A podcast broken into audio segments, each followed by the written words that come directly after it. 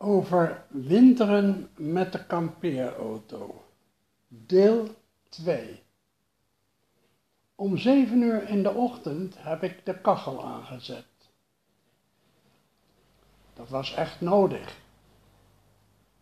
Dan snel het bed weer in en wachten tot het behagelijk warm is.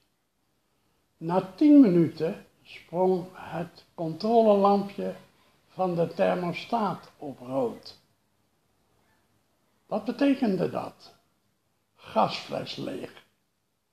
Met een dikke jas over mijn pyjama naar buiten om van fles te wisselen.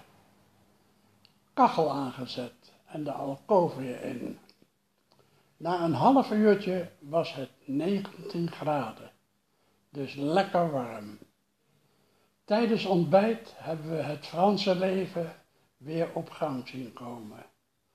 Mannen en vrouwen met stokbroodjes in hun handen die ze net bij de bakker gekocht hadden. Omdat wij in het bezit zijn van een Franse gasfles, hebben we bij de plaatselijke Intermarché de fles voor een volle omgewisseld en gelijk maar getankt. Toen zijn we vertrokken via de D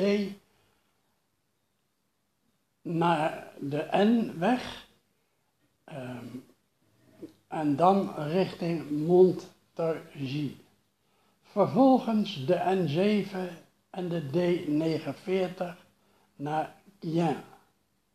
In Aubigny-sur-Ner de D49 genomen. En even bij een eurole die we tegenkwamen vuil water geloosd en gelijk maar schoon ingenomen en de toiletcassette geleegd.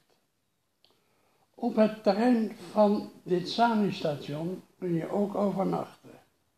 Hebben we deze keer niet gedaan.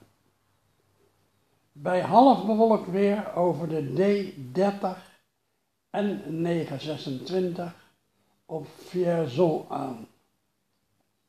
Na deze stad de prachtige vierbaansweg A20 richting Limoges genomen.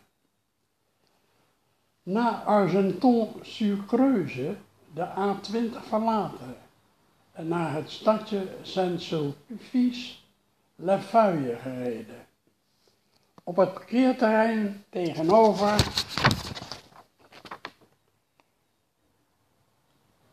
de mairie hebben we de wagen neergezet.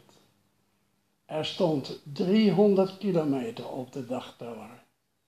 En we zouden hier lekker overnachten.